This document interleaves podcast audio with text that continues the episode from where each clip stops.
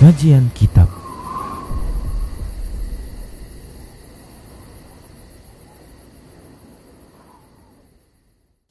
Bismillah, Assalamualaikum warahmatullahi wabarakatuh. Innal hamdalillah Nahmaduhu wa nasta'inuhu wa nastaghfiruh. Wa na'udhu billahi min syururi anfusina wa min sayyiati a'malina. Man yahdihillah fala mudillalah wa man yudlilhu fala hadiyalah وأشهد أن لا إله إلا الله وحده لا شريك له وأشهد أن محمدا عبده ورسوله صلى الله عليه وسلم. قال الله تبارك وتعالى يا أيها الذين آمنوا اتقوا الله حق تقاته ولا تموتن إلا وأنتم مسلمون. يا أيها الناس اتقوا ربكم الذي خلقكم من نفس واحدة وخلق منها زوجها وبث منهما رجالا كثيرا ونساء. واتقوا الله الذي تساءلون به والأرحام. إن الله كان عليكم رقيبا. يا أيها الذين آمنوا اتقوا الله وقولوا قولا سديدا. يصلح لكم أعمالكم ويغفر لكم ذنوبكم. ومن يطع الله ورسوله فقد فاز فوزا عظيما أما بعد فإن أصدق الحديث كتاب الله وخير الهدى هدى رسول الله صلى الله عليه وسلم وشر الأمور محدثاتها وكل محدثة بدعة وكل بدعة ضلالة وكل ضلالة في النار Para hamba Allah rahimani wa rahimakumullah Tidak bosan kita senantiasa bersyukur kepada Allah subhanahu wa ta'ala menyanjung dan memujinya atas semua nikmat yang Allah berikan. Kemudian selawat serta salam kita ucapkan untuk Nabi kita Muhammad sallallahu alaihi wasallam. Semoga Allah Subhanahu wa taala mewafatkan kita di atas ketaatan kepada rasulnya. Para pemirsa Rosa TV dan para pendengar Radio Medan Mengaji di mana saja Anda berada, rahimani wa rahimakumullah. Kita masih melanjutkan pembahasan akidah tauhid dan kita masih membahas tentang pembatal-pembatal tauhid, pembatal keimanan, pembatal keislaman, pembatal dua kalimat syahadat. Dan kita membahas tentang syirik akbar, masih membahas tentang syirik akbar. Dan syirik akbar ini kita telah sebutkan bagian yang pertama dari pembahasan syirik akbar yaitu kesyirikan di dalam rububiyah Allah Subhanahu wa taala yaitu kesyirikan itu dengan cara menjadikan adanya tandingan bagi Allah Subhanahu wa taala di dalam perbuatan-perbuatan Allah Subhanahu wa taala. Para muslim rahimani wa rahimakumullah. Pada pertemuan yang sebelumnya telah kita sebutkan bahwa sebagaimana tauhid itu dibagi menjadi tiga berdasarkan hak-hak Allah Subhanahu wa taala yaitu tauhid rububiyah mengesahkan Allah Subhanahu wa taala di dalam perbuatan-perbuatannya kemudian tauhid uluhiyah mengesahkan Allah Subhanahu wa taala di dalam hak ibadah kemudian tauhidul asma was sifat mengesahkan Allah Subhanahu wa taala di dalam hak nama dan sifat Allah Subhanahu wa taala dengan menetapkan apa saja yang telah Allah tetapkan untuk dirinya di dalam kitab sucinya maupun lewat lisan Rasulnya Muhammad sallallahu alaihi wasallam berupa nama dan sifat-sifat berupa nama dan sifat-sifat Allah Subhanahu wa taala. Tanpa kita melakukan penyamaan dengan makhluknya tanpa kita membayangkan dan mempertanyakan bagaimana bentuk aslinya dan tanpa kita menolak sebahagiannya serta tanpa kita melakukan takwil yaitu memalingkan kepada makna yang lainnya. Demikian pula terjadi pembagian sejumlah tiga di dalam kesyirikan ya yaitu kesyirikan itu dengan syirik akbar statusnya itu terbagi menjadi tiga pula berdasarkan hak-hak Allah Subhanahu wa taala yaitu hak rububiyah Allah, hak keesaan Allah di dalam perbuatan-perbuatannya, hak keesaan Allah di dalam ibadah kepadanya dan hak Allah Subhanahu wa taala di dalam nama dan sifat-sifatnya.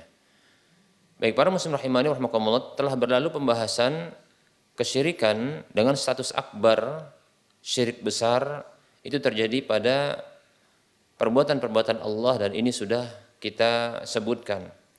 Nah, kali ini kita akan menyebutkan lebih cepat pembahasannya ya. Karena pembahasan sebelumnya kita menjelaskan tentang tauhid, kita mulai dari eh, pembahasan tauhid rububiyah, kemudian tauhid uluhiyah, kemudian tauhidul asma wa sifat. Nah, untuk pembahasan syirik ya, kesyirikan ya, kita bahas kesyirikan dalam uluhiyah, eh, kesyirikan di dalam rububiyah dan ini sudah berlalu. Dan semestinya kita bahas berdasarkan urutan pembahasan tauhid yaitu kita bahas ya kesyirikan dengan satu syirik akbar di dalam hak Allah yaitu uluhiyah. Namun ini kita akhirkan pembahasannya dikarenakan e, lebih luas dan lebih banyak ya rinciannya oleh karenanya kita akhirkan kita dahulukan yaitu kesyirikan yang terjadi di dalam nama dan sifat Allah Subhanahu wa taala dan ini yang kita bahas adalah kesyirikan dengan satu syirik akbar. Nah, para muslim rahimani warahmatullah, apa maksud kesyirikan yang terjadi di dalam nama dan sifat Allah Subhanahu wa taala? Yaitu menjadikan bagi Allah Subhanahu wa taala ada yang sebanding, ada yang setara, ada yang semisal di dalam ya sebahagian dari nama dan sifat-sifat Allah Subhanahu wa taala atau mensifati Allah Subhanahu wa taala dengan sesuatu dari sifat-sifat makhluk. Demikian. Nah, tentunya ketika mensifati Allah Subhanahu wa taala dengan salah satu dari sifat-sifat makhluk, Nah tentunya berarti menjadikan makhluk ini sebagai tandingan bagi Allah Subhanahu wa taala. Ini bentuk melecehkan Allah Subhanahu wa taala juga. Demikian para muslim rahimani wa rahimakumullah. Nah, oleh karenanya tindakan memberikan nama ya. Memberikan nama kepada selain Allah Subhanahu wa taala dengan nama-nama Allah Subhanahu wa taala ya dengan adanya keyakinan disertai dengan adanya keyakinan ya bahwa selain Allah tersebut memiliki sifat seperti yang ada pada Allah Subhanahu wa taala. Maka ini merupakan bentuk kesyirikan di dalam nama dan sifat Allah Subhanahu wa taala dengan satu syirik akbar atau mensifati ya Allah Subhanahu wa taala dengan salah satu dari sifat-sifat makhluk yang sama ya yang sama ya dengan makhluk tersebut. Jadi Allah Subhanahu wa taala disifati dengan sifat makhluk ya dan itu sama ya. Maka ini merupakan bentuk ya tindakan kesyirikan di dalam nama dan sifat Allah Subhanahu wa taala. Nah, para muslim rahimani wa rahimakumullah.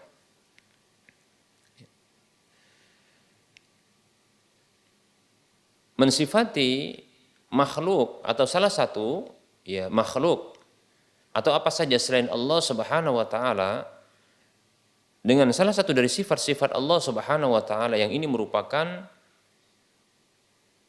kekhususan Allah Subhanahu wa taala di dalamnya ya maka tindakan ini merupakan bentuk kesyirikan ya jadi kita akan sebutkan bentuk rinciannya jadi kita ulangi ya. Menjadikan adanya tandingan bagi Allah ini makna dari syirik di dalam nama dan sifat Allah. Menjadikan selain Allah Subhanahu wa taala tandingan ya di dalam nama dan sifat-sifat Allah Subhanahu wa taala maka ini merupakan bentuk kesyirikan dalam nama dan sifat bagi Allah Subhanahu wa taala. Oleh karenanya bila kita atau bila ada tindakan ya, memberikan nama kepada selain Allah Subhanahu wa taala dengan salah satu dari nama-nama Allah Subhanahu wa taala dengan meyakini bahwasanya nama tersebut itu memang dikandung ya sifat pada nama itu itu diberikan kepada selain Allah tersebut. Maka para muslim rahimani warahmatullah ini merupakan bentuk ya rincian dari kesyirikan di dalam nama dan sifat Allah Subhanahu wa taala. Contoh Allah Subhanahu wa taala memiliki nama Ar-Rahman. Ya. Contoh contohnya adalah Allah Subhanahu wa taala memiliki nama Ar-Rahman yaitu Dzurrahmatil Wasi'ah, yaitu zat yang memiliki sifat rahmat yang luas yang itu diberikan kepada yang Allah berikan rahmat itu kepada seluruh makhluknya. Ya baik itu mukminnya maupun kafirnya baik itu manusianya maupun selain manusianya demikian seluruhnya demikian. Nah apabila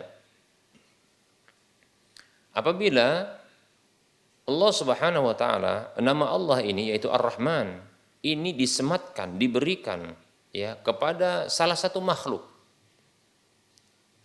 Salah satu makhluk. Seperti contohnya kepada salah seorang uh, syekh atau tuan guru yang begitu diagungkan dan dimuliakan. Ya karena begitu baiknya kepada murid-muridnya. Sampai-sampai muridnya memberikan gelar kepadanya atau nama kepadanya Ar-Rahman demikian. Ar-Rahman. Dengan keyakinan bahwasanya ya dengan keyakinan bahwasanya gurunya ini memang memiliki sifat rahmat yang luas. Bukan hanya kepada manusia yang muslim ya. Begitu juga kepada manusia yang kafir begitu juga kepada binatang kepada tumbuhan dan seterusnya. Ya diyakini demikian. Karena mungkin gurunya ini e, tampak di dalam kegiatan sehari-hari ketika masa hidupnya ya begitu memiliki sifat kasih sayang. Nah, sang murid ketika itu ya atau murid-muridnya menggelari atau memberikan nama dengan Ar-Rahman. Nah, ini merupakan bentuk kesyirikan. Pelaku kesyirikan adalah sang murid tersebut. Demikian. Nah, ini bentuk kesyirikan dengan satu syirik akbar di dalam nama dan sifat sifat Allah Subhanahu wa taala. Begitu juga di antara nama-nama Allah Subhanahu wa taala adalah Al-Hakim, Al-Hakim ya, al-hakim zat yang bijaksana di dalam memutuskan kebijakan. Ya seperti itu. Yang adil di dalam memutuskan kebijakan-kebijakannya. Lalu nama ini disematkan kepada salah seorang dari manusia yang begitu jitu dan begitu bagusnya di dalam menyelesaikan permasalahan-permasalahan. Sampai-sampai setiap perselisihan, setiap pertengkaran, setiap ya eh, perseteruan di antara manusia sekitarnya, ya. Baik itu yang mungkin dalam skala kecil maupun skala besar sampai pun kenegaraan, maka ini bisa selesai dengan orang ini ya dengan kehadiran orang ini untuk menyelesaikan permasalahan tersebut dan memberikan putusan yang terbaik. Lantas orang-orang di sekitarnya menyebutkan ya kepadanya dengan gelar al-hakim atau al-hakim contohnya ya. Al-hakim contohnya diberi gelar dengan al-hakim dengan keyakinan bahwasanya memang orang ini ketika memutuskan ya hukum memutuskan berbagai kebijakan ketetapan maka ini selalu adil dan penuh dengan kebijaksanaan. Demikian. Nah nah ini merupakan bentuk kesyirikan di dalam nama dan sifat Allah dengan status syirik akbar. Demikian. Dan seterusnya. Dan seterusnya. Demikian para muslim rahimani wa rahimakumullah.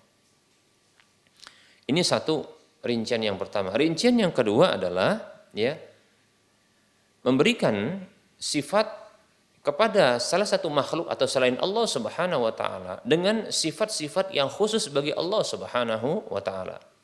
Ya.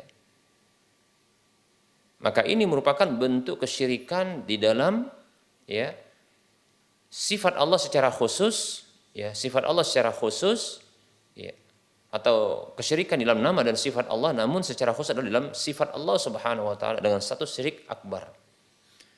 Demikian para muslim rahimani wa rahimakumullah. Contohnya ya, contoh bentuk kesyirikan yang seperti ini yaitu mensifati makhluk ya, mensifati makhluk ya atau mensifati selain Allah dengan sifat-sifat ketuhanan. Ya, yang ini khusus bagi Allah Subhanahu wa taala. Contohnya adalah ya mengetahui perkara yang gaib.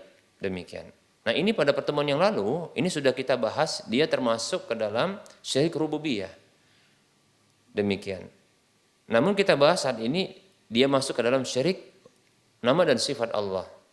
Mengapa bisa uh, adanya satu contoh namun untuk dua bentuk kesyirikan? Para muslim rahimani rahmakumullah, bila ditinjau, ini bentuk penjelasannya. Bila ditinjau dari perbuatan-perbuatan Allah yang mengawasi makhluknya, ya, yang mengawasi makhluknya. Temuraqabatullah yaitu pengawasan kepada makhluknya. Kemudian Allah Subhanahu wa taala me, e, mengurus hambanya. Ya, tentunya ya Allah Subhanahu wa taala mengatur segala urusan para hambanya. Dan itu tentunya dengan ada perbuatan Allah Subhanahu wa taala itu memantau dan me, memperhatikan para hambanya, melihat hambanya. Nah, di antaranya adalah ya mengetahui perkara-perkara yang gaib tentunya, seperti itu, ya. Nah, ditinjau dari hal ini adalah bila diyakini ada selain Allah Subhanahu wa taala menjadi tandingan bagi Allah di dalam mengetahui perkara yang gaib, maka ini jatuh kepada permasalahan ya tauhid rububiyah. Ditinjau dari hal ini. Namun ditinjau dari sifat khusus Allah Subhanahu wa taala. Sifat khusus Allah Subhanahu wa taala yaitu yang mengetahui perkara-perkara gaib ya.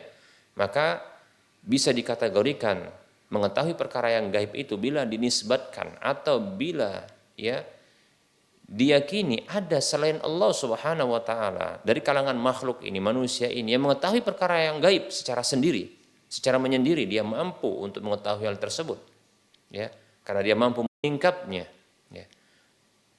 Sementara ya pengetahuan terhadap yang gaib ini merupakan salah satu dari sifat-sifat Allah Subhanahu wa taala. Maka ya terjadi terjadilah kesyirikan di dalam nama dan sifat Allah, yaitu sifat Allah secara khusus dengan satu syirik akbar. Demikian para muslim rahimani wa rahimakumullah. Nanti akan kita jelaskan ya e, rinciannya. Berikutnya ya tindakan mensifati Allah Subhanahu wa taala dengan sifat-sifat makhluk. Ya. Sifat-sifat makhluk. Ya. Seperti contohnya ya disifati Allah Subhanahu wa taala ini dengan sifat lelah, capek ya seperti yang dilakukan oleh oleh orang-orang uh, Yahudi. Mereka ya mensifati Allah Subhanahu wa taala yaitu butuh istirahat ketika menciptakan langit dan bumi ya. Selama enam hari kemudian di hari ketujuh itu harus ada istirahatnya. Demikian seperti itu ya.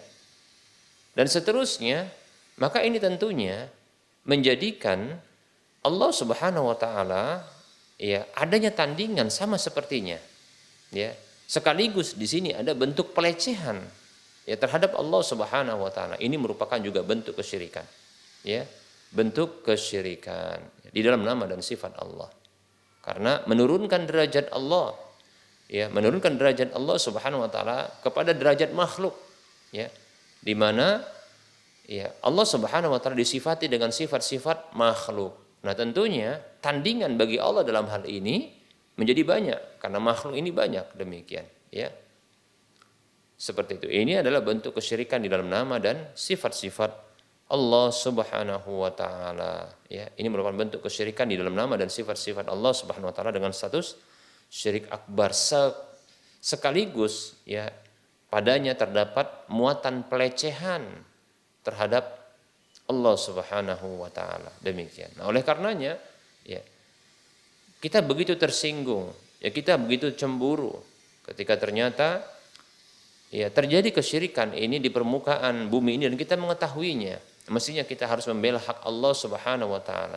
Mestinya kita ya membela hak Allah Subhanahu wa taala sebagaimana ketika hak Rasulullah Shallallahu alaihi wasallam dilecehkan, ya.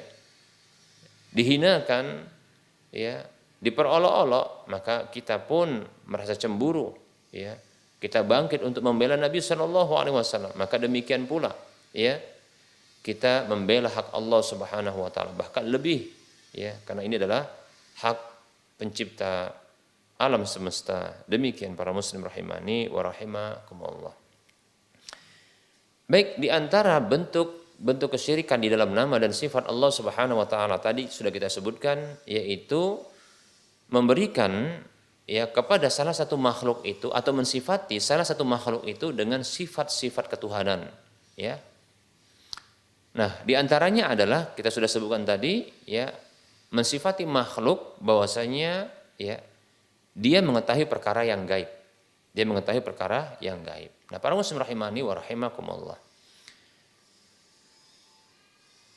bila seseorang meyakini orang lain itu mengetahui perkara yang gaib dengan sendirinya karena dia mampu untuk menyingkap begitu kayak diyakini dia mampu untuk menyingkap tabir ya kegaiban-kegaiban dengan sendirinya ya dengan kemampuan yang dimilikinya. Maka ini merupakan bentuk kesyirikan. Orang yang meyakini itu jatuh ke dalam kesyirikan dengan satu syirik akbar di dalam nama dan sifat-sifat Allah Subhanahu wa taala. Begitu Nah, apabila ada seseorang yang dia sendiri mengklaim dirinya itu mengetahui perkara yang gaib. Dia mengklaim bahwasanya dirinya mengetahui perkara yang gaib. Dia mengumumkan kepada orang-orang, ya, dia mengakui bahwasanya dirinya mengetahui perkara yang yang gaib dengan sendirinya. Dia mampu untuk menyingkap hal tersebut, ya. Maka orang ini telah memposisikan dirinya sebagai tandingan bagi Allah Subhanahu wa taala sementara dia ridho. Maka orang ini bisa dinyatakan togut. Nah tentunya itu merupakan bentuk kesyirikan di dalam nama dan sifat Allah Subhanahu wa taala ya dengan satu syirik akbar. Demikian para muslim rahimani wa rahimakumullah. Ya. Baik para muslim rahimani wa rahimakumullah. Apa itu perkara yang gaib? Ya, segala hal yang tidak bisa diketahui oleh makhluk. Ya. Dan mereka tidak akan mengetahuinya ya. Dan apa saja yang tidak bisa diketahui oleh makhluk dengan panca inderanya dengan salah satu dari panca inderanya maka inilah disebut dengan kegaiban ya. Kegaiban. Jadi perkara yang gaib adalah ya maghaba an ayunin nas yaitu sesuatu yang e, tersembunyi tertutup dari pandangan manusia atau dari pengetahuan manusia demikian. Inilah disebut dengan kegaiban. Ya. Kegaiban itu ada yang bersifat hakiki, ada yang bersifat uh, relatif. Ya. Ada yang bersifat sama sekali tidak diketahui perkara yang gaib tersebut. Ada yang bersifat dia relatif, ya, yaitu bisa diupayakan untuk di, diketahui. Demikian para muslim rahimani wa rahimakumullah. Adapun yang relatif ini adalah seperti contohnya apa yang tersembunyi pada pandangan kita, namun bisa kita lihat setelah kita mendekati sesuatu yang tersembunyi tersebut. Ya, ini pun perkara yang gaib. Seperti contohnya, ya kita tidak mengetahui ya apa yang terjadi di jalanan karena saat ini kita berada di suatu ruangan, demikian. Ya. Nah kita akan mengetahui perkara yang tersembunyi dari kita itu, itu juga termasuk disebut dengan perkara yang gaib. Kita akan bisa mengetahuinya bila kita melakukan bentuk usaha, ya, yaitu dengan cara berjalan menujunya. Nah ini disebut dengan kegaiban yang sifatnya relatif. Namun ini bisa diperoleh dengan cara yang manusia semuanya bisa. Demikian. Baik para muslim rahimani warahmatullah. Adapun ya kegaiban-kegaiban yang sifatnya hakiki yang memang Allah Subhanahu wa taala tutupi yang tidak akan bisa ya tidak akan bisa ditampakkan tidak akan bisa disingkap ya kecuali Allah Subhanahu wa taala yang menyingkapnya yang memberitahunya. Demikian.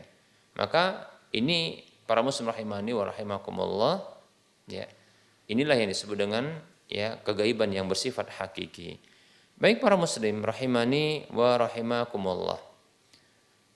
Maka untuk jenis ya kedua jenis kegaiban yang bersifat hakiki ini eh, yang bersifat apa namanya eh, kegaiban yang kedua yang kedua bentuk kedua ini bila seseorang dia mengakui mengetahui perkara yang gaib.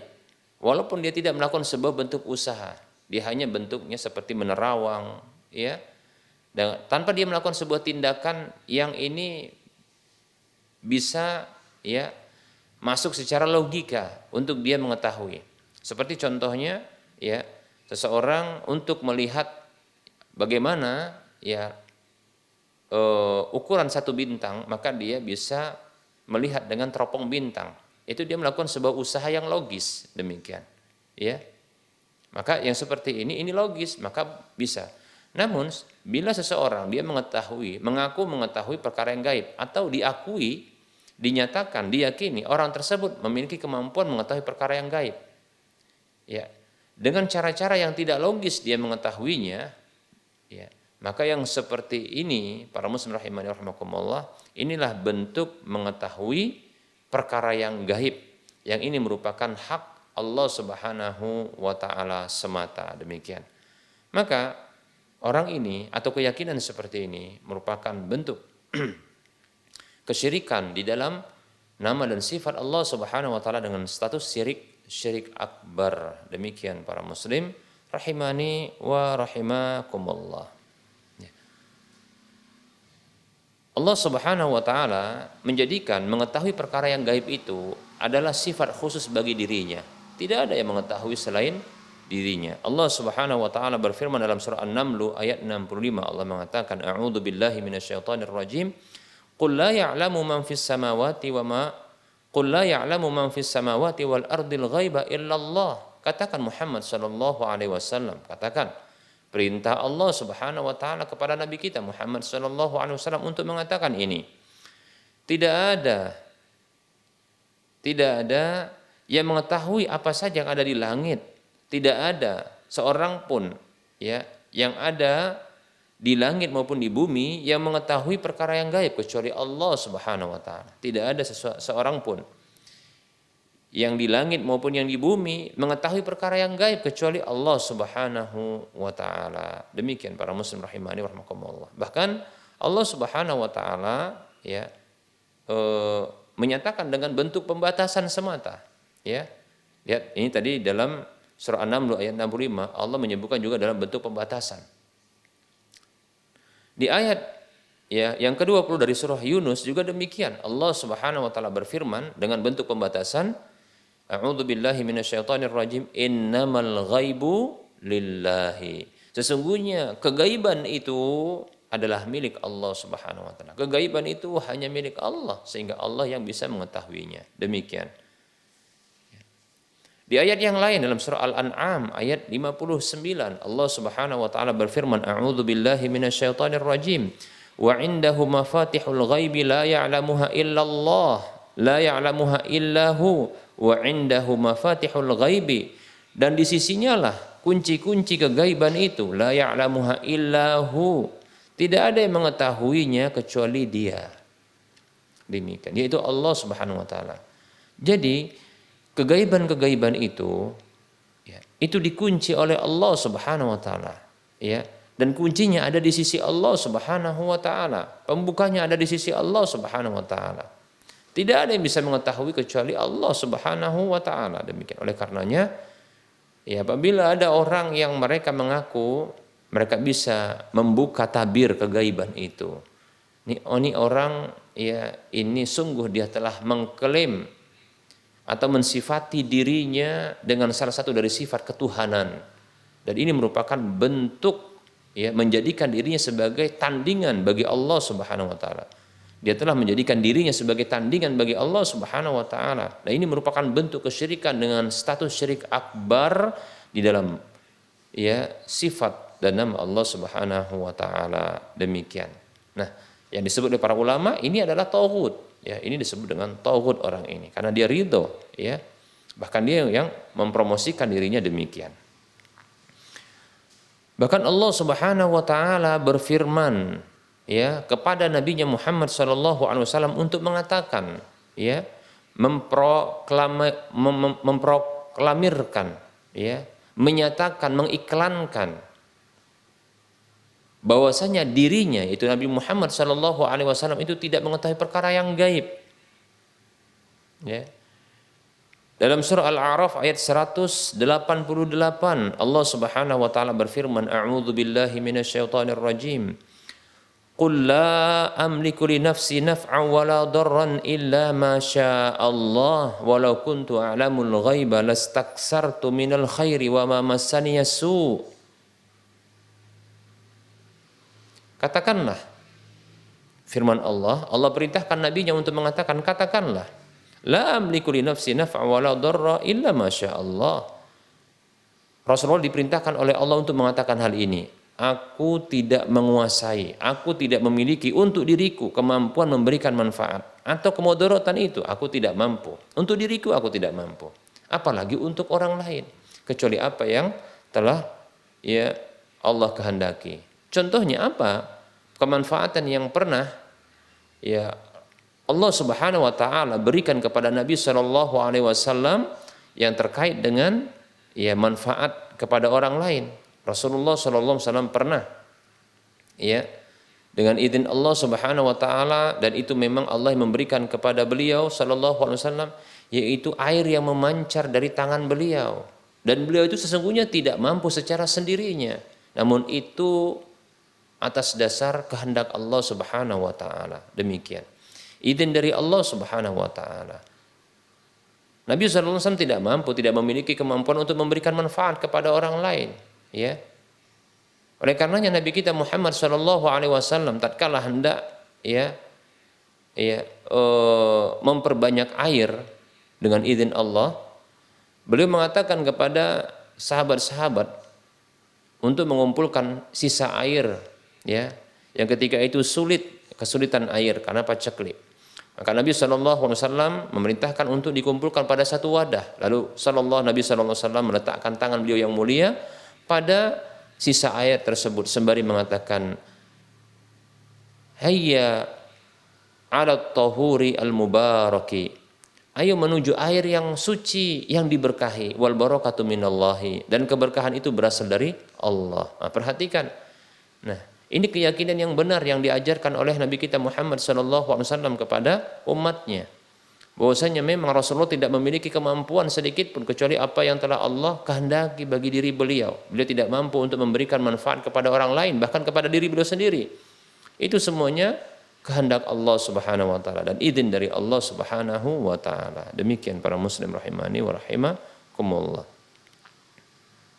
Begitu juga Nabi SAW tidak bisa memberikan ya kemudaratan kepada orang lain. Untuk diri beliau sendiri beliau tidak memiliki itu. Bagaimana bisa untuk memberikan kepada orang lain? Itu berdasarkan kehendak Allah Subhanahu wa taala. Contohnya seperti ya Nabi SAW bersama dengan para sahabat yang berjumlah hanya 300-an sekian orang saja itu mampu untuk memberikan kemudaratan kepada musuh perang. Yaitu kafir Quraisy yang jumlahnya lebih dari tiga tiga kali lipatnya demikian. Ya tiga kali lipatnya. Baik para muslim rahimani wa rahimakumullah. Ya. Nah, itu berdasarkan kehendak Allah Subhanahu wa taala. Bahkan berdasarkan pertolongan dari Allah Subhanahu wa taala. Demikian para muslim rahimani wa rahimakumullah. Lalu Nabi Muhammad sallallahu alaihi wasallam diperintahkan oleh Allah untuk mengatakan berikutnya walau kuntu alamul ghaiba lastaksartu minal khairi wa ma masani su' andaikan aku mengetahui perkara yang gaib. Jadi beliau tidak tahu yang gaib. Andaikan aku tahu yang gaib itu, lastaksartu minal khairi. Tentunya aku akan memperbanyak kebaikan.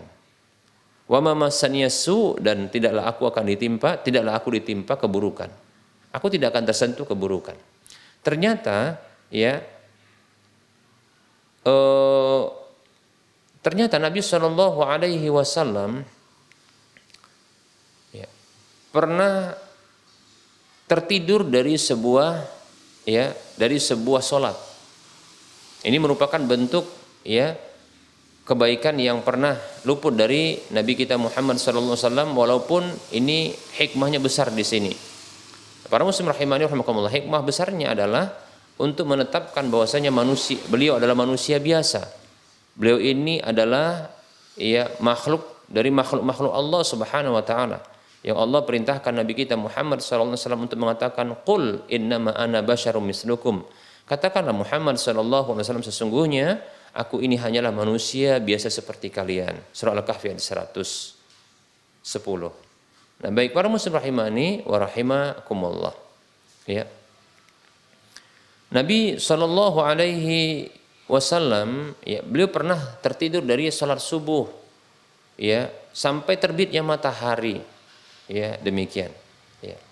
Ketika dalam satu perjalanan yang begitu melelahkan yang beliau ketika itu perintahkan salah seorang sahabat yaitu Bilal untuk berjaga ternyata Bilal juga tertidur karena kecapean dan Rasulullah SAW terbangun setelah matahari terbit demikian nah di sini ada hikmah besar tentunya yaitu bahwasanya kita juga sebagai umat Nabi SAW bisa terjadi hal yang demikian dan ini ada contohnya bagaimana cara pelaksanaan sholat subuh setelah ya terbitnya matahari apakah gugur ataukah tidak demikian seperti itu. Nah, ini Allah takdirkan karena ya ada contoh, ada hikmah besar yang Allah ingin ajarkan lewat Rasulullah Shallallahu Alaihi Wasallam. Demikian, ya, seperti itu. Nah, kalaulah tahu perkara yang gaib itu, tahu Rasulullah akan ketiduran, tentunya Rasulullah tidak akan tidur ketika itu. Ketiduran sampai terbitnya matahari, tentunya Rasul tidak akan tidur. Kata Rasulullah, "Lastaksartu minal khairi", tentunya aku akan memperbanyak kebaikan wa ma su dan aku tidak akan di, disentuh oleh keburukan. Ternyata ada keburukan yang menimpa beliau. Keburukan apa itu? Yaitu Rasulullah SAW pernah mengalami patah pada gigi beliau. Beliau juga pernah ya diracun. Bahkan beliau juga pernah sebelumnya disihir demikian. Kalaulah beliau tahu perkara yang gaib, tentunya beliau tidak akan ya tidak akan ya tersentuh oleh perkara-perkara yang buruk seperti ini. Demikian. Dengan cara menghindari sebab-sebabnya. Ini menunjukkan bahwasanya ya beliau memang tidak tahu perkara yang gaib karena beliau adalah manusia biasa. Demikian. Surah Al-A'raf ayat 188. Begitu juga Nabi kita Muhammad sallallahu alaihi wasallam ya pernah diperintahkan oleh Allah Subhanahu wa taala untuk mengatakan demikian. Padahal kita tahu Nabi kita Muhammad sallallahu alaihi wasallam adalah hamba terkasih Allah Subhanahu wa taala, hamba yang paling mulia, hamba yang paling bertakwa, yang sangat dekat kedudukannya dengan Allah Subhanahu wa taala. Namun namun begitu dekatnya Nabi kita Muhammad sallallahu alaihi wasallam begitu ya dekatnya hubungan Nabi SAW dengan Allah Subhanahu wa taala ya begitu uh, dicintanya Nabi Muhammad sallallahu alaihi wasallam oleh Allah Subhanahu wa taala tidaklah menjadikan Nabi Muhammad sallallahu alaihi wasallam ini ya memiliki sifat-sifat ketuhanan. Allah berfirman dalam surah Al-An'am ayat 50. Allah berfirman a'udzu billahi minasyaitonir rajim. Qul la aqulu lakum indi khazainullahi wa la a'lamul ghaiba wa la aqulu lakum inni malak. Allah Subhanahu wa taala berfirman kepada Nabi kita Muhammad sallallahu alaihi wasallam yang artinya qul katakan Muhammad sallallahu alaihi wasallam perintah Allah kepada Nabi kita Muhammad sallallahu alaihi wasallam untuk mengatakan katakan ya la aqulu lakum indi khazainullah aku katakan kepada kalian, aku tidak mengatakan kepada kalian, ya, aku memiliki pembendaharan-pembendaharan Allah Subhanahu wa taala, yaitu kunci-kunci rizki sehingga Rasulullah SAW dengan sekehendak hati beliau bisa memberikan rizki kepada kepada siapa saja yang beliau kehendaki. Tidak bisa. Karena kunci-kunci rizki, pembendaharan Allah itu milik Allah Subhanahu wa taala. Rizki itu hanya milik Allah Subhanahu wa taala. Berikutnya adalah Perintah berikutnya wala a'lamul ghaiba dan aku tidak mengetahui perkara yang gaib. Lihat, ya. Ini perintah Allah kepada Rasulullah untuk menyatakan ini kepada manusia. Kepada manusia, ya, kepada makhluk.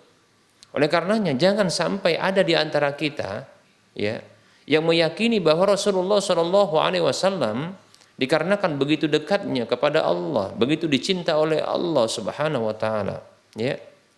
Lantas diyakini bahwa Nabi SAW memiliki kemampuan untuk mengetahui perkara yang gaib. Di antara bentuk ungkapan tersebut adalah keyakinan bahwa Nabi Muhammad SAW itu ilmunya adalah ilmu lauhul mahfud. Ini merupakan bentuk kesyirikan. Ini merupakan bentuk kesyirikan. Ya, demikian. Seperti itu para muslim rahimani wa rahmakumullah. Jadi Nabi kita Muhammad SAW tidak tahu yang gaib. Bahkan itu diperintahkan oleh Allah untuk menyatakan kepada umatnya. Seperti itu. Tidak tahu perkara yang gaib. Jadi Rasulullah SAW ilmunya bukan lauhul mahfud. Ya. Nah tentunya kalau Rasulullah tahu perkara yang gaib, tahu pula lah lauhul mahfud itu. Dan tentunya Rasulullah tidak akan ditimpa keburukan dan tidak ada kebaikan yang pernah luput dari Rasulullah Shallallahu Alaihi Wasallam seperti itu. Baik para muslim rahimani wa rahimakumullah. Oleh karenanya siapa saja yang meng, me, mengklaim ya meyakini bahwa salah seorang dari makhluk ini mengetahui perkara yang gaib, maka sungguh dia telah ya terjatuh ke dalam syirik akbar di dalam nama dan sifat Allah. Khususnya adalah sifat ya mengetahui perkara yang gaib. Orang tersebut terancam dia ya keluar dari Islam. Oleh karenanya, oleh karenanya ya ini perlu kita ingatkan kepada kaum muslimin agar tidak melakukan demikian. Ya. Mengapa? Mengapa ini merupakan bentuk kesyirikan? Karena di dalam keyakinan seperti ini ya adanya pengakuan terhadap tandingan bagi Allah Subhanahu wa taala. Tandingan, keserupaan, ya, kesetaraan ya pada Allah Subhanahu wa taala dalam sifat-sifat Allah Subhanahu wa taala. Demikian, yaitu mengetahui perkara yang gaib. Baik para muslim rahimani wa rahimakumullah. Nah, kita men, e, untuk menyebutkan sebahagian keyakinan-keyakinan manusia. Ya. Contohnya seperti keyakinan orang-orang Syiah Rafidah, Syiah-Syiah Rafidah. Dan sebahagian juga kaum muslimin yang sangat berlebihan terhadap sebagian guru-guru mereka. Ya, yaitu meyakini bahwa para wali ya atau orang-orang tertentu ya kalau orang-orang Rafidah, orang-orang Syiah Rafidah meyakini imam-imamnya itu mengetahui perkara yang gaib perkara yang mengetahui perkara yang gaib. Apa yang akan terjadi pada masa datang, ya. Apa yang telah berlalu dia ketahui demikian. Nah, oleh karenanya, nah ini ya, ini bentuk kekeliruan, ini bentuk kesalahan. Ini kita harus ingatkan, tidak boleh kita yakini demikian, ya. Seperti itu. Saudara-saudara seiman, rahimani wa rahimakumullah. Tidak boleh kita meyakini sebagian guru kita, sebahagian orang-orang soleh, para wali, para imam, ya. Ini mengetahui perkara yang gaib. Seperti contohnya ya Syekh Siti Jenar mengetahui perkara yang gaib, ya. Syekh Burhanuddin, Syekh macam-macam di diyakini ya. Orang para para wali tersebut diyakini mengetahui perkara-perkara yang gaib. Ya. Nah, ini adalah bentuk kesalahan, ya. Begitu juga sebagian nabi ya sebagai nabi juga diyakini mengetahui perkara gaib yang sudah kita sebutkan. Ada sebahagian orang yang meyakini Nabi kita Muhammad SAW itu mengetahui perkara yang gaib. Ya. Mengetahui perkara yang gaib. Bahkan ilmu Nabi SAW seperti ilmu lauhul mahfud. Ini juga merupakan kekeliruan.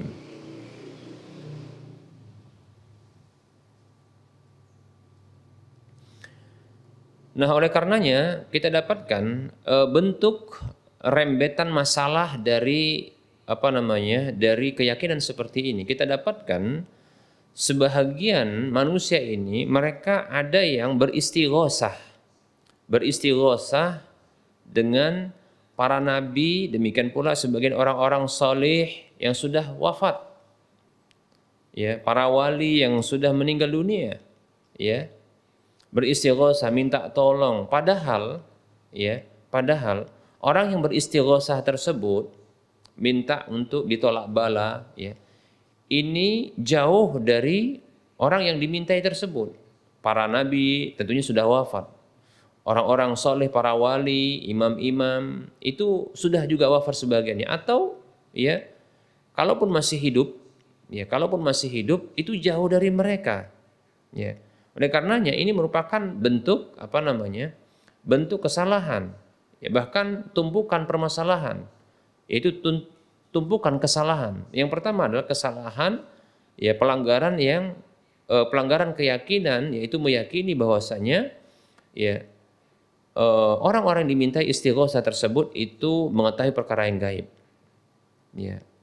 Padahal mereka itu sangat jauh, ada yang sudah wafat demikian. Nah, ini merupakan bentuk keyakinan bahwa mereka mengetahui perkara yang gaib. Dengan mereka mengucapkan di tempat yang sangat jauh dari orang-orang yang dimintai tersebut, ya, ini diyakini mereka ini mengetahui permintaan mereka. Ini menetapkan adanya ya pengetahuan tentang perkara yang gaib.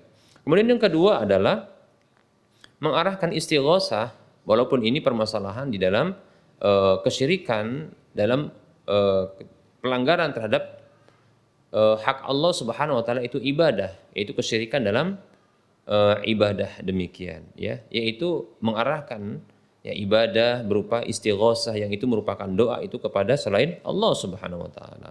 Padahal hak ibadah itu hanya milik Allah Subhanahu wa taala. Demikian.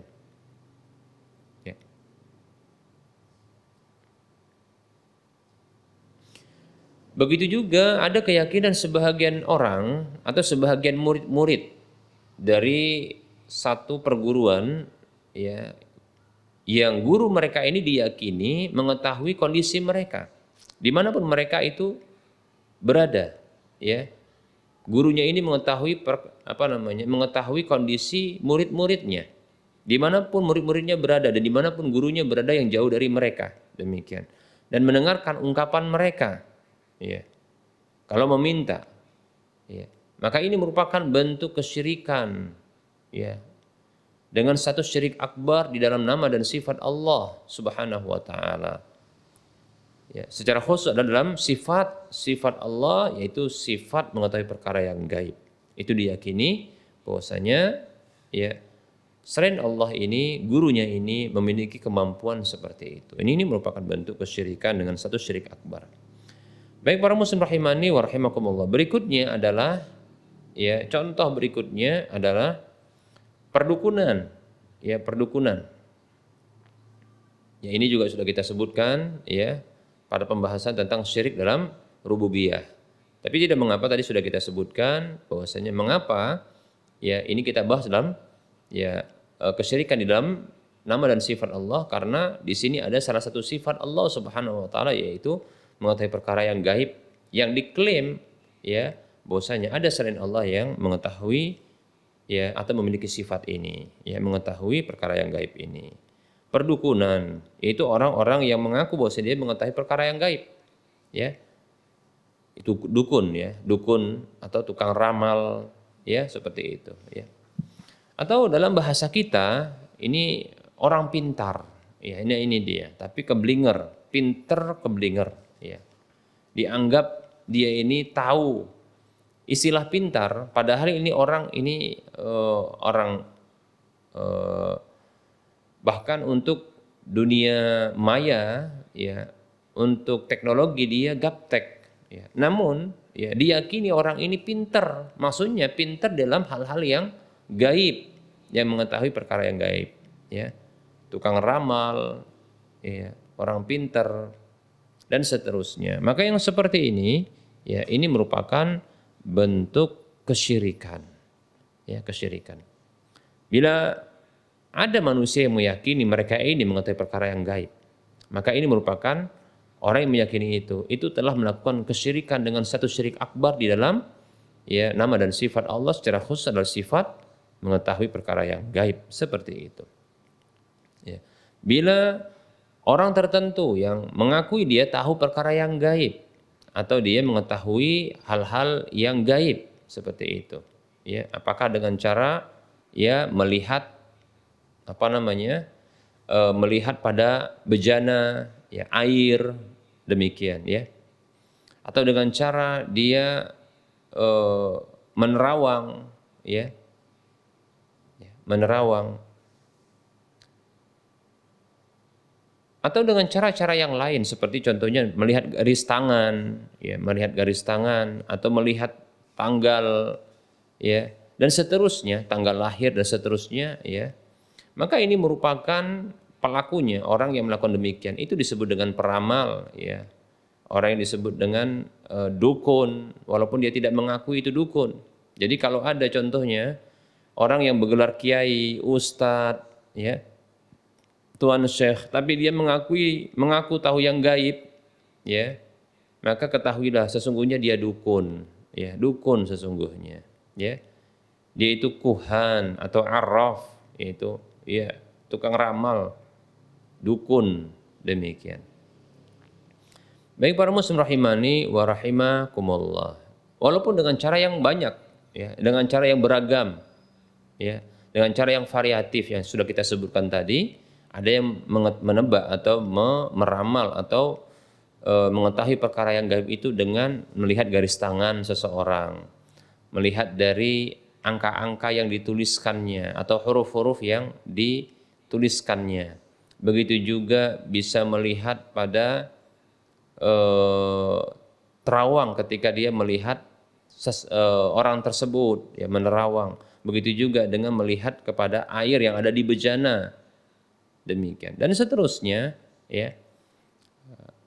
Ya, cara yang variatif dengan bebatuan ya, ya dengan menggaris di di tanah ya dan seterusnya ini merupakan bentuk kesyirik kesyirikan ya dengan satu syirik akbar kesyirikan yang terjadi pada nama dan sifat Allah demikian secara khusus adalah sifat mengetahui perkara yang gaib. Demikian para muslim rahimani wa rahimakumullah. Perhatikan ada sabda Nabi Shallallahu Alaihi Wasallam yang beliau bersabda demikian. Laisa minna man tatayyara au tutuyira lahu au takahana au tukuhina lahu au sahara au suhira lahu. Wa man atakahinan fasaddaqahu bima yaqulu faqad kafara bima unzila ala Muhammad sallallahu alaihi wasallam. Nabi kita Muhammad sallallahu alaihi wasallam bersabda ya bukanlah termasuk golongan kami orang yang bertatayur yaitu menisbatkan baik dan buruk dengan gerak-geri alam demikian ya atau yang dia uh, ditatayur pun karenanya, ditatayur uh, di uh, diberlakukan tatayur itu untuknya. Demikian. Atau dia melakukan perdukunan atau ya orang dibuat sebuah perdukunan untuk dirinya, demikian. Tentunya atas dasar izinnya. Ya. Atau yang menyihir atau yang yang disihirkan untuknya, demikian. Dan siapa saja yang datang kepada dukun walaupun disebut dengan ustadz ya karena dia mengetahui perkara yang gaib mengaku mengetahui perkara yang perkara yang gaib siapa saja kata Nabi man kahidan siapa saja mendatangi dukun itu fasaddaqahu bima yaqulu. Lalu dia membenarkan apa yang dia ucapkan yang si dukun itu mengucapkan. Faqad kafara bima unzila ala Muhammad sallallahu alaihi wasallam. Maka sungguh dia telah kafir dengan wahyu atau agama yang diturunkan kepada Nabi Muhammad sallallahu alaihi wasallam. Baik para muslim rahimani wa rahimakumullah.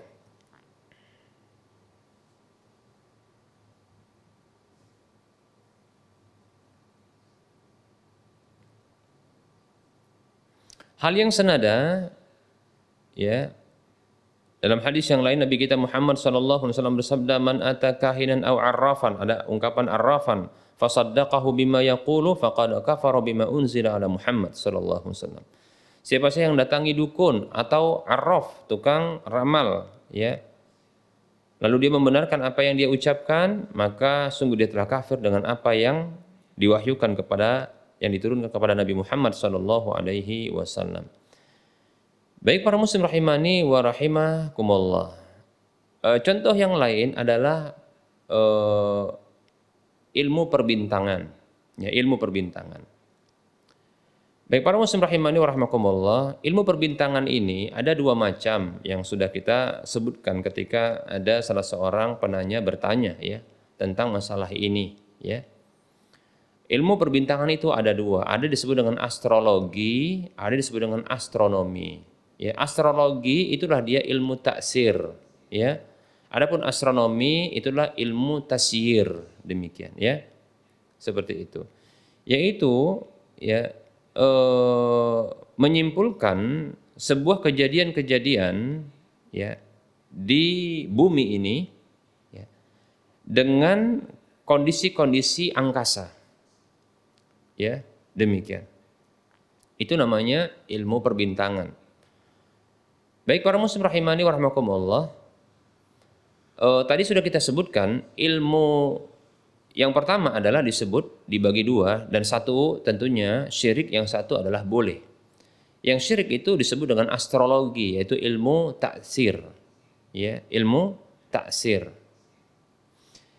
Yaitu dia yaitu bentuk ilmu menetapkan adanya kejadian-kejadian fenomena-fenomena fenomena-fenomena alam yang terjadi di permukaan bumi ini, baik itu saat itu ataupun yang akan datang, itu dikaitkan dengan ya pergerakan benda-benda angkasa, benda-benda angkasa. Yang jalan metodenya adalah dengan menebak dan meramal tanpa didasari dengan uh, bukti yang logis demikian, ya. Nah ini merupakan bentuk kesyirikan kepada ya eh, kepada Allah Subhanahu Wa Taala. Seperti contohnya ya dia tentukan bahwasanya ya kamu akan mengalami kerugian ya atau kamu akan mengalami keuntungan atau kamu akan mendapatkan rizki dengan bentuk seperti ini. Engkau akan dimenangkan ya kita akan dikalahkan satu tempat atau satu satu pihak atau akan mengalami apa namanya eh, kemenangan atau kekalahan dan seterusnya. Yang ini tidak ada hubungan sama sekali kejadian ini dengan dengan eh, perbintangan atau pergerakan dari benda-benda angkasa. Demikian para muslim rahimani wa rahimakumullah. Nah, inilah ya para tukang ramal ya yang mereka meramal ya kejadian-kejadian fenomena-fenomena alam ya fenomena fenomena yang akan terjadi di permukaan bumi ini dengan fenomena alam mengkaitkan demikian ya adapun ya astronomi ilmu astronomi atau disebut juga dengan ilmu at-tasyir ya adalah mengkaitkan fenomena-fenomena alam ya itu dengan kejadian-kejadian yang akan terjadi berikutnya itu dengan perkiraan dengan tanda-tanda dan alamat-alamatnya. Dan ini berdasarkan pengalaman yang berulang-ulang ya dan kebiasaan. Seperti contohnya ya pergerakan angin yang sudah kita sebutkan pada waktu yang lalu pergerakan awan ya. Kemudian kemunculan bintang. Bahwasanya bintang ini bila dia muncul biasanya tidak diyakini bintang ini yang menurunkan atau melakukan pengaruh tersebut. Tapi bintang ini sebagai tanda saja. Tanda kalau bintang ini muncul kebiasaannya akan ya e, terjadi demikian dan demikian bukan karena bintang itu yang memiliki pengaruh tapi ini sebagai tanda saja dan ini dibenarkan yang seperti itu asalkan berdasarkan pengamatan dan penelitian ya dan ini yang dilakukan oleh Badan Meteorologi dan Geofisika. Demikian, ya. Dan ini tidak masalah. Lebih-lebih mereka pun seperti yang kita sebutkan itu menggunakan kalimat ya perakiraan ya seperti itu. Hanya memperkirakan saja ya berdasarkan tanda-tandanya. Seperti ya ungkapan kita ketika melihat mendung ya ketika kita melihat mendung maka kita katakan sepertinya akan hujan. Lihat kita memberikan perkiraan ya, memberikan perkiraan akan turunnya hujan disebabkan mendung padahal belum tentu dan ini pun terjadi bahwasanya terkadang hujan juga terkadang tidak hujan seperti itu yaitu melihat apa melihat eh, tanda-tanda ya dengan eh, apa namanya memprediksi adanya sesuatu dengan tanda-tandanya. Nah ini dia. Memprediksi sesuatu dengan adanya tanda tandanya seperti itu. Nah, contoh ya eh, kita memprediksi adanya singa ya di wilayah ini ketika kita melihat jejaknya. Karena ada tandanya. Walaupun kita belum mengetahui zat singa itu, karena kita melihat ada ya apa namanya jejaknya demikian. Maka kita katakan ini boleh memprediksi seperti itu walaupun bisa jadi mungkin ini jejak yang lainnya. Tapi prediksi kuat seperti tidak ada binatang yang serupa dengannya. Begitu, ya. Baik, para muslim rahimani rahimakumullah, ini boleh. Begitu juga tatkala kita memprediksi, oh kita telah sampai di wilayah ini. Karena apa? Ada tanda-tandanya. Nah, seperti itu. Nah, ini kan boleh walaupun mungkin ya bisa jadi meleset Ya. Demikian. Seperti itu. Dan ini dibenarkan. Oleh karenanya Allah Subhanahu wa taala berfirman di dalam surah An-Nahl ayat 16 ini sudah kita sebutkan ya wa alamatin wa, wa bin najmi hum yahtadun. Dan itu sebagai tanda-tanda ya. Dan dengan bintang gemintang mereka itu mendapatkan petunjuk ya penunjuk jalan maksudnya. Demikian para muslim rahimani wa rahimakumullah.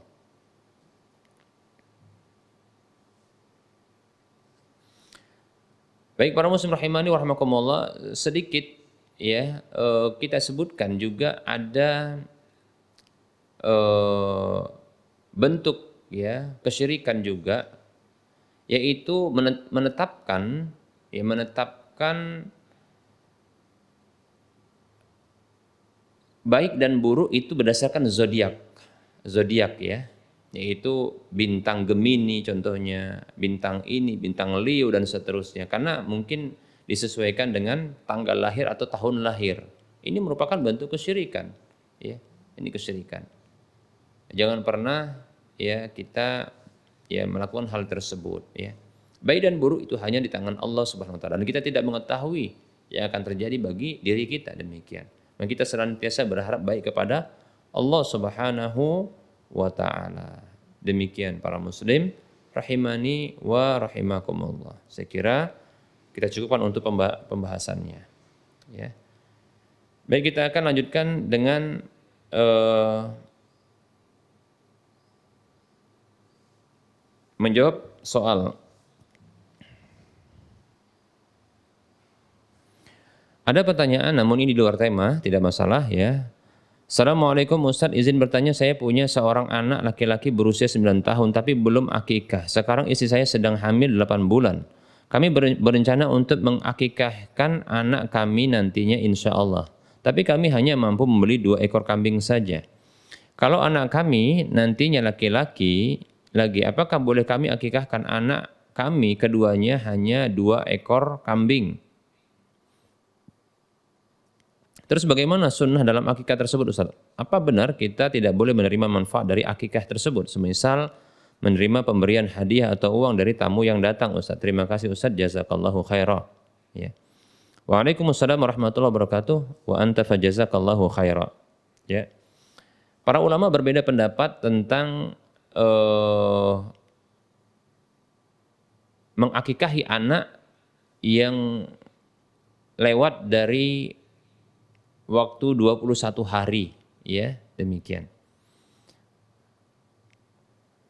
Ketika anak belum diakikahi sudah usia 9 tahun apakah anak tersebut ya wajib atau apakah ada syariat untuk mengakikahinya? Demikian. Maka di sini tentunya terjadi perbedaan pendapat di kalangan para ulama. Ada yang membolehkan ya ada juga yang tidak ya tidak membolehkan. Artinya tidak dikatakan itu sebagai bentuk akikah Ya, seperti itu.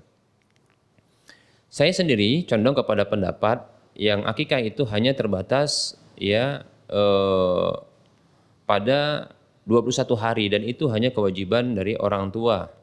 Ya, demikian dan itu terkait dengan kemampuan tentunya ya. Seperti itu. Ya, itu hanya ada eh, beban bagi orang tua bukan yang lainnya. Rasulullah SAW bersabda al-aqiqatu tuzbahu li sab'in au li arba'a asyrata au li ihda wa ishrin.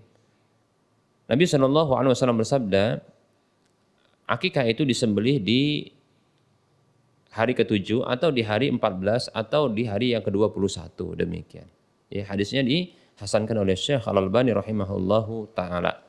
Baik para muslim rahimani rahimakumullah, adapun setelah itu bila kita tidak memiliki kemampuan maka gugur dari kita. Demikian ya. Wallahu taala alam. Namun apabila ingin berpendapat dengan pendapat yang lain bahwasanya anak tersebut ya ini madhab uh, Syafi'i boleh untuk diakikahi selama anak tersebut belum uh, balik maka wallahu taala alam ini silahkan ingin berpendapat demikian ya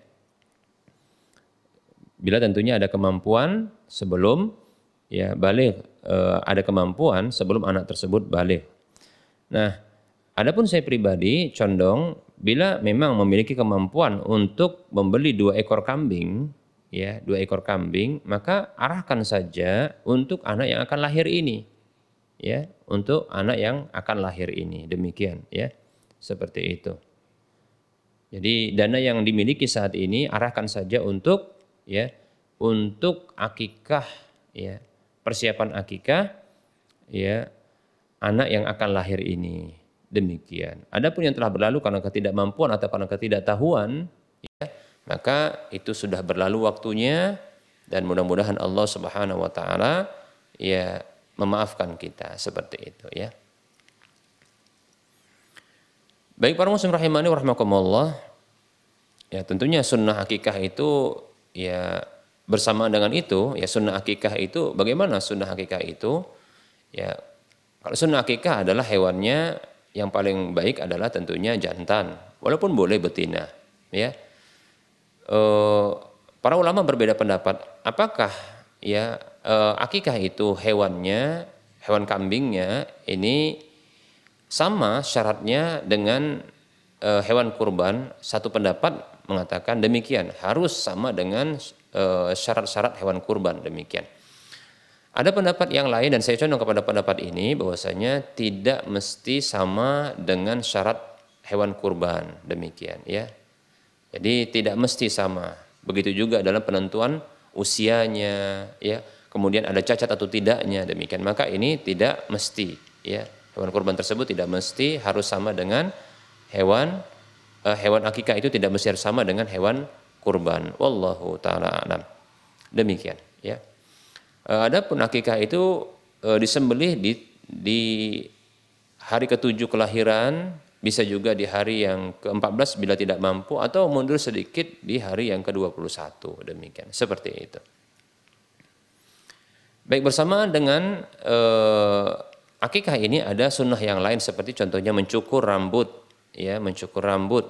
Ya di hari ketujuh mencukur rambut lalu menimbangnya bisa nanti e, bersedekah ya eh, dengan eh, konversi emas atau perak dari berat eh, apa namanya eh, rambut tersebut yang sudah dicukur. Demikian ya. Jika lapang silahkan dengan eh, konversi ke emas. Kalau ya sempit silahkan dengan konversi perak demikian ya. Begitu juga memberikan nama di saat itu ya memberikan nama di saat itu ya. Diberikan nama di saat itu. Dan sunnah-sunnah yang lainnya wallahu taala alam. Terkait dengan uh, hadiah yang diberikan oleh para undangan yang hadir dalam uh, acara uh, walimahan akikah ini ya maka saya condong boleh tidak masalah ya. Tidak masalah ya. Tidak masalah untuk menerima hadiah. Yang jelas ya merupakan adab janganlah ya ketika kita uh, memberi bermaksud untuk mendapatkan pemberian ya. Ini ada muatan menurut uh, muatan ketidakikhlasan menurut Imam Asy-Syafi'i ya rahimahullahu taala. Ya tidak ada uh, ada muatan ketidakikhlasan ketika memberi dengan maksud untuk mendapatkan pemberian seperti itu. Ya namun bila memang uh, karena merupakan ya tuntunan syariat agama, ajaran agama Islam ini untuk me, membuat akikah lantas mengundang saudara-saudara seiman lalu mereka dengan sukarela memberikan hadiah sebagai bentuk balasan maka ini silahkan terima tidak masalah. Ya silahkan terima. Dan ini mudah-mudahan ya termasuk hadis Nabi SAW tahadau tahabu hadis cerita Baihaqi ya. Saling memberilah pasti saling akan mencintai. Tapi janganlah ya ketika memberi ya tapi pamrih ya. Yaitu tidak ikhlas mengharapkan pemberian dari orang lain. Wallahu taala alam